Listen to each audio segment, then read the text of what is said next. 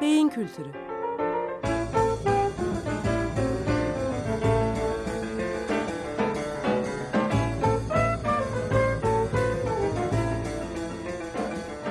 Tarihten, sanattan ve edebiyattan örneklerle beyin.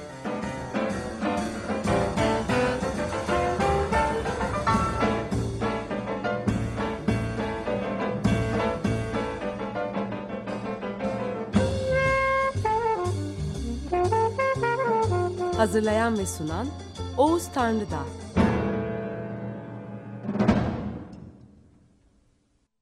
İyi günler efendim.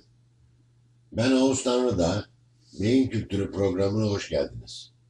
Bugün 26 Ekim 2015 Pazartesi. Programlarımıza devam ediyoruz.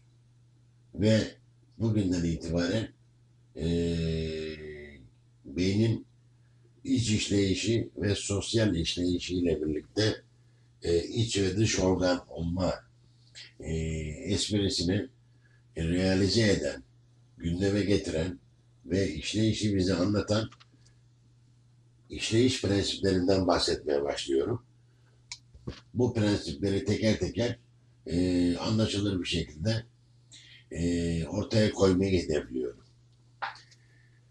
Bugüne kadarki programlarımızda e, beynin herkeste aşağı yukarı aynı şekilde işleyen e, bir iç organ olmasının yanı sıra herkeste farklı işleyebilen bir dış organ, bir sosyal organ olmasını e, anlatmaya çalışmıştık. Bunu hayatın diğer alanlarından örneklerle süslemeye çalışmıştık. Şimdi bugünden itibaren e, beynin çalışma prensipleri veya benim bütünsellik prensipleri dediğim konuya geliyorum yavaş yavaş. Bu tabi benim hayalini kurduğum e, herkes için beyin bilgisi e, planlan, programın bir gerçekleşmesi anlamında ele alınabilir. Tabi e, yerleşik olan söylem e, beynin bilinemezliği, beynin keşfedilemezliği e, ve neredeyse bir inanç sistemi haline gelmiş, e, neredeyse bir gizli bir din haline gelmiş bir söylem bu. Onca bilimsel e, gelişmeye rağmen bu söylemin oldukça etkili olduğunu da görüyoruz. Buna karşı benim hipotezim beynin keşfedilemez ve erişilemez sır bir organ olmadığı, yeterince bilinmediği, yeterince bilinmediği konusunda da yeterince bilinme, bilinmediğinden çok yeterince öğrenile, öğrenilemediği. Şimdi bu beyinle ilgili bilinemezlik efsanesi e, birçok insanın zihninde e, beynin yeterince bilinmesini engelliyor. Yani beynin yeterince e, ortaya konmuş olan bilgilerin e, bilgilere ulaşılmasını engelliyor ve aynı zamanda e, kafalarımızda, zihinlerimizde bu bilgiyi yeniden canlandırmamızı engelliyor. O bakımdan yani bir e, resmen bir top atışı e, esprisi içinde ve ağır ve bu efsane e, burçlarını, efsane e, kalesini e, de büyük gedikler açabilecek bir top atışı tarzında bugün için bu bütünsellik prensiplerinde beş tane top atışı yapmayı düşünüyorum. Tabii bu birkaç program sürebilir. Ama öncelikle birinci top atışımız bilinmezlik kalesine e, bütünsellik prensiplerinin birinci gerçekleşme alanı e, başlamak istiyorum. Birinci gerçekleşme alanı şudur efendim. Beyinde bütünsellik basitten karmaşaya doğru e, yapılır. Beyinsel, beyinde bütünsellik basitten karmaşaya doğru işler. Bu bütünsellik meselesi e, zaman içinde e, gelişmeler göstermiştir doğal olarak ve e, çok eksik bilgilerin üzerine yeni bilgilerin eklenmesiyle bütünselliğin e, deyim yerindeyse içi dolmuştur. Şöyle söyleyeyim efendim, çok yaygın söylemlerden bir tanesi, E, beynimizin yüzde onunu biliyoruz. Beynimizin yüzde onu çalışıyor. Ve e, bu ne demek efendim? Beynimizin yüzde doksanını bilmiyoruz. Beynimizin yüzde doksanı ya çalışmıyor ya da çalışması hakkında bir bilgiye sahip değiliz. Bu anlamlara geliyor. Yani pozitif bir ifade değil, aynı zamanda son derece moral bozucu bir ifade. Ve bu ifade aşağı yukarı 60-70 yıldır hüküm sürüyor onca beyin bilgisine rağmen. Nereden geliyor? Belki diğer programlarımda söylemiş olabilirim. Bunun geliş yeri şu efendim. Einstein ölmeden önce e, beynini incelenmek üzere bilime adar ve e, öldükten sonra da bilim adamları incelemek üzere Einstein'ın beynini çıkarırlar. Neyle inceleyeceklerdir? O anki yerleşik beyin bilgisiyle. Yani beyin e, paradigması dediğimiz o günlerin beyin bilgisi neyi öne sürüyorsa o şekilde inceleyeceklerdir. O günlerin beyin bilgisinde beynin kabuğu denilen, e, korteks denilen veya e, patoloji literatüründe gri cefer denilen ince ondan sonra bir santimi bile bulmayan beyin kabuğunun içinde beyin hücreleri bulunur ve bütün faaliyet burada cereyan eder. Dolayısıyla beynin e, bu çalışan bölgesi burasıdır ve diğer geri kalan yüzde doksanlık bölümü hakkında bir şey bilinmez ve pratik olarak da çalışmaz veya bir katkıda bulunmaz anlamında bir bilgi üretilebilir bundan. Ve bugün o günün, o günlerin beyin anlayışının bir gereği olarak Einstein'ın beyninde bu kabuk bölgesindeki e, korteks bölgesindeki hücreler ölçülür. Hücreler sayılır. Hücreler sayıldığında başlangıçta tabii büyük ümitlerle girilen bu araştırmada hücreler sayıldığında görülecektir ki Einstein'ın beynindeki beyin hücresi, nöron sayısı kendi yaşındaki bir diğer insanın nöron sayısına neredeyse eşdeğerdir ve benzer rakamlar çıkar. O zaman Einstein'ın beyni vasıtasıyla e, bir e, efsane haline gelmiş bir bilim adamı olduğu bağlantısı e, nasıl kurulacaktır? Yani normal hiçbir işlem yapmayan, işlem görmeyen bir insanın beyninden daha fazla sayıda hücre sahibi olmayan bir beyin nasıl Einstein'ın beyni olabilmiştir? İşte bu araştırma sonucunda bu beklenti çöker. Bu beklenti çöker ama beklentinin çökmesiyle birlikte de günümüze kadar e, şey yapan, gelen efsanenin bir e, parçası e, gelir. Yani herkesin aşağı yukarı duyduğu, bildiği beynimizin yüzde onunu kullanıyoruz. Yüzde onu hakkında bilgi sahibiyiz diye bir söyle, söylem e, türer. Çünkü korteks bölümü, beynin kabuk veya gri cevher bölümü hakikaten beynin yüzey alanı içinde yüzde onluk bir bölüme eşdeğerdir. Ve bunun hücreleri sayılabildiğine göre biz beynimizin yüzde onunu biliyoruz. Dolayısıyla bundan bir şey çıkmaz. Ve ama söylem devam eder. Daha sonra yaklaşık 10 yıl sonra ee, yeni bir kavram ortaya atılır.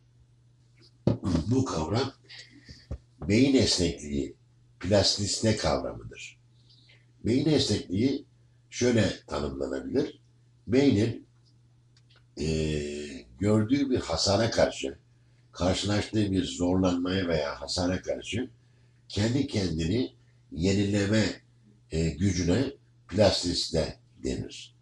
Daha sonraki araştırmalar e, plastisite veya esneklik gücümüzün genetik mekanizmalar tarafından idare edildiğini ve doğumdan itibaren yaşam boyunca hücre yenilenme programlarıyla hücre ölümü programlarının sürekli çatıştığını ve esnekliğin bu hücre yenilenme programının hızıyla bağıntılı bir şey olduğunu ortaya koymuştur. Tabi burada e, iki ismi anlam gerekiyor beyin esnekliği kavramı ile birlikte. Bir tanesi plastiste kavramının ortaya çıkmasına yol açan İtalyan bilim e, insanı Rita Levi Montalcini ismini almam gerekiyor.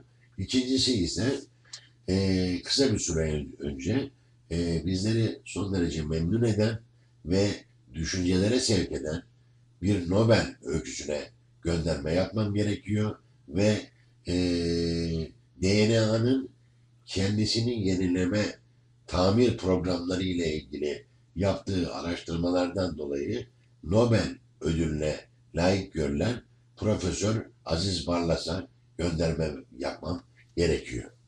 Esneklik ve e, şey programı, plastiste kavramı ortaya çıktıktan sonra beynin kendisini ne yolla tamir ettiği ve ne şekilde nereleri vasıtasıyla tamir ettiği konusu gündeme geldiğinde görülmüştür ki beyin bu tamiri e, Einstein'in beyninde sayılmış olan hücre gövdeleriyle değil ama aynı zamanda hücre gövdelerinden çıkan uzantıların kısa ve uzun uzantıları e, tamir programları nedeniyle yapmaktadır. Yani daha önce bilin, bilinmiyor denilen %90'lık bölümde e, oluşan bir bağlantı şebekesi, hücrelerin bağlantı şebekesi plastisite de esneklikte son derece önemli bir rol oynamaktadır. Ve genetik programlar tarafından bu e, idare edilmektedir. Bu ortaya konunca o zaman yani o bu ortaya konduktan sonra beynimizin yüzde onunu biliyoruz veya yüzde onu ancak işte bize fikir veriyor gibi söylemlerin e, kısa bir süre sonra yok olması gerekirdi.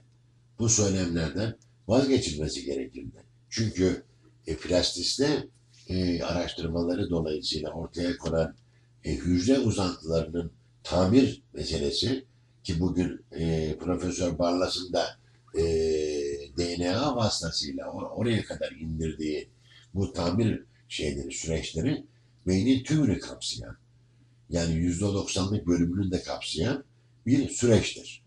Dolayısıyla bu değişmesi gereken bir söylem olduğu halde ne yazık ki 60 senedir aynı noktada çakılıp kalmış ve bir zihin kitlenmesi yaşayan durumdayız. Bu anlaşılır, e, izah edilir de bir şey değil. Son yaptığım çalışmalarda bunları irdelemek için e, bir şeyler yazmaya çalışıyorum. Umarım bunlar beyin e, konusundaki e, taşıdığımız zihin kitlenmesinin kırılmasında faydalı olacaktır.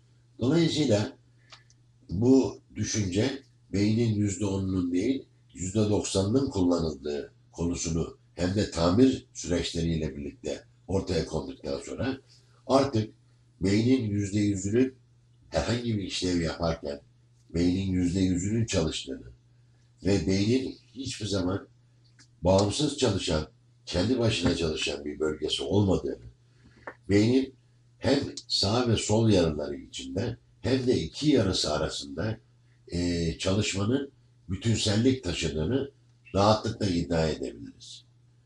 Bunun e, klasik anlamda meslek erbabı dediğimiz bu işlerin mesleğini yapan insanlar tarafından söylenmemesi, ortaya konulmaması bu tabii ki genel anlamdaki zihin kitlenmesinin en önemli nedenlerinden birisi olmaya devam ediyor.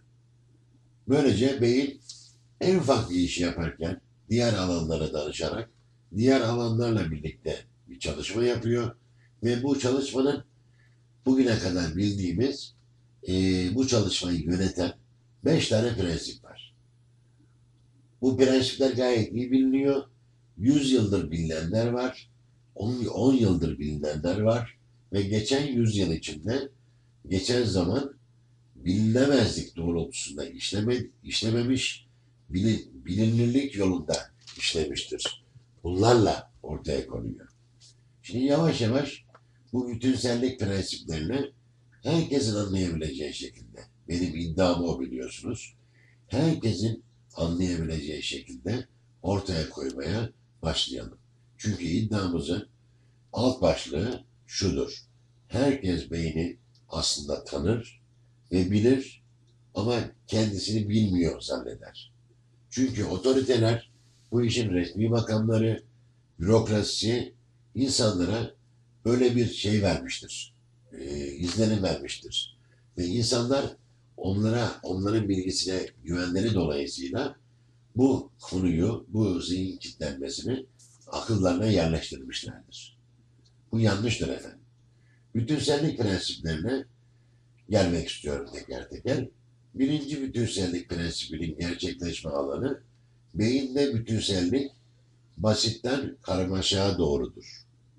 Yani beynin yapılanması, beynin yapılanması hem anatomik açıdan hem de işlevsel açıdan eee, bölgelerin, beyin bölgelerinin basitten karmaşaya doğru yapılanması esasına göre kurulmuştur. Anatomik olarak basitlikten tabii ki biyolojik anlamda basit yapılar, hücre yapılarını kastediyorum. Tek tip hücreler ve bağlantılar.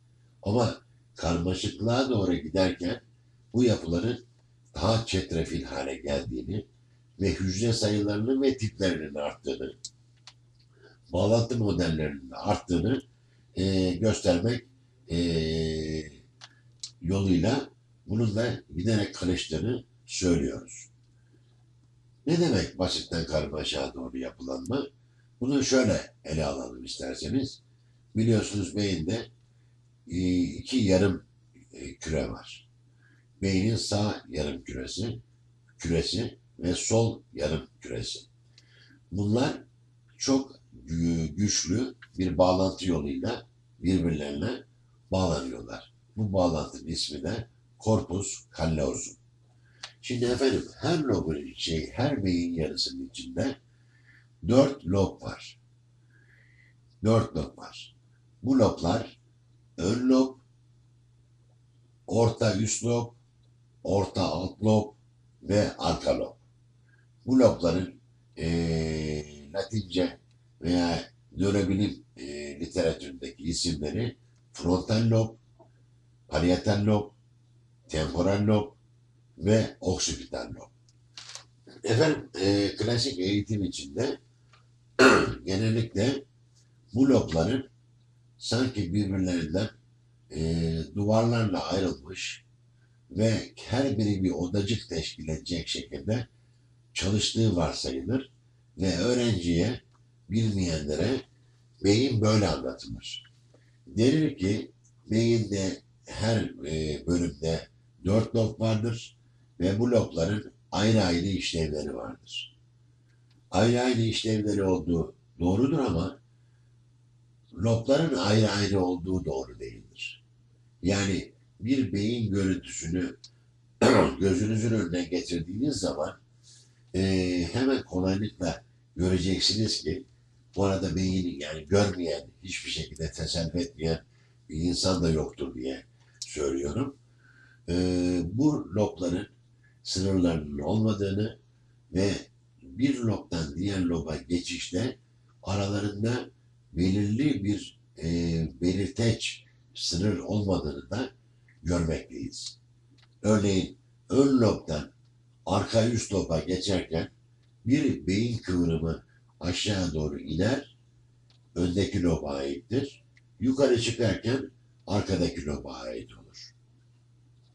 Aynı şekilde orta üst lobdan arka loba geçerken de bir kıvrım içeri doğru girerken birinciye aittir, dışarı çıkarken ikinciye aittir. Dolayısıyla anatomik bir devamlılık söz konusudur. Anatomik devamlılık söz konusu olunca da işlevsel devamlılık söz konusu olur. Çünkü bu bunun doğal gereğidir.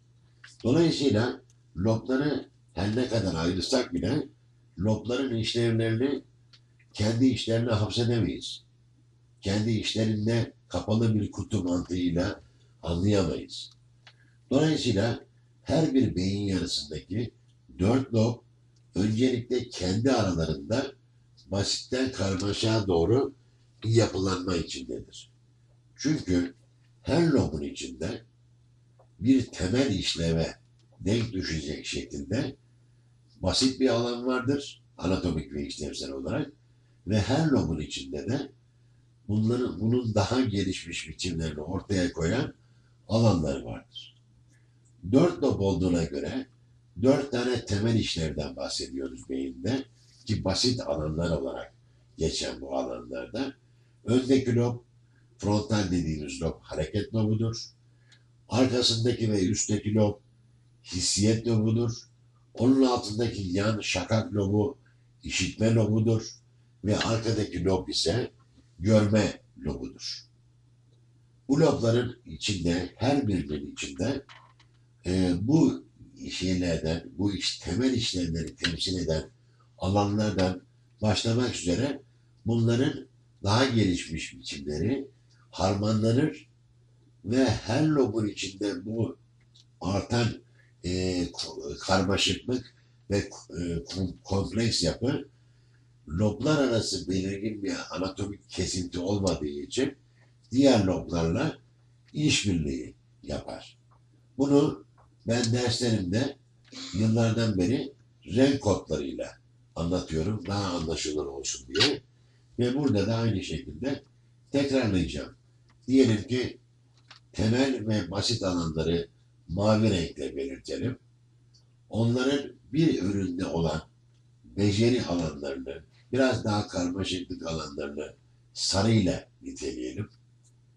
Ve ondan sonraki oldukça karmaşık ee, kompleks işlevleri ortaya koyan alanları da pembeyle niteleyelim. Bir de beynin iç yüzünde, beynin iç yüzünde bizim iç dünyamıza, iç dünyamıza ve kendimize ait olan özelliklere ait olan bir bölge vardır ki bunu da yeşille niteleyelim. Şimdi renkler arasındaki e, ilişki ve düz, e, dizilme şu şekildedir. Her lobun içinde bir mavi olduğuna göre dört tane mavi vardır. Her lobun mavisinin bir sarısı olduğuna göre o, dört tane sarı vardır. Ama biraz daha işler karmaşıklaşınca, biraz daha işler karmaşık, hale gelince loblar arası ilişki başladığı için dört, dört formülü biter ve dörtten iki pembeye iner. Bunun anlamı şudur. Loblar içinde oluşan işlevler ve bunların bir üst kademesi daha gelişkin işlevler ortaya koyabilmek adına diğer loblarla işbirliği yaptığı için pembe alanlar birden fazla loba e, hitap ederler. Yani e, bir pembe örneğin üç lobun orta noktasındadır. Öbür pembe üç bölgenin orta noktasındadır. Dolayısıyla iş karmaşıklaştıkça beyindeki entegrasyon ve bütünleşme de artmış oluyor. Ve dolayısıyla e, iç yüzünde bahsettiğim iş dünyamıza ait yeşil alanı gelince de beyinde tek bir yeşil alan vardır. Bu ne demektir? Bizim kendiliğimizi, kimliğimizi ve varlık bilincimizi kendimize ait olan oluşturan bölge tektir hepimizde. Dolayısıyla çok özeldir. Ve böyle beyin alanlarını bu şekilde dizdikten sonra formülümüz şu şekilde oluyor. 4, 4, 2 ve 1 oluyor. Bunlar da basit, bir nebze gelişmiş, oldukça gelişmiş ve bize çok özel gelişmişlik düzeyi anlamında oluyor. Önümüzdeki programda bu renk kodlamasıyla size ifade ettiğim beyin alanlarının basiti ne demekmiş, gelişmişi ne demekmiş, pembe ne yapar, yeşil ne yapar onları aktarmaya çalışacağım efendim. İyi günler dilerim.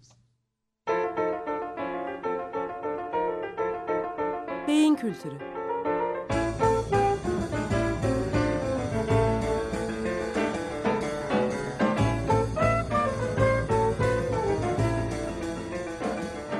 tarihten, sanattan ve edebiyattan örneklerle beyin.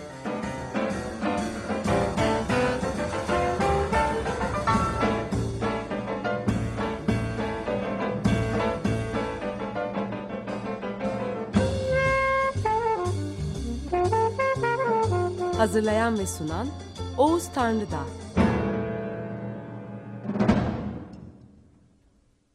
Açık Radyo program destekçisi olun.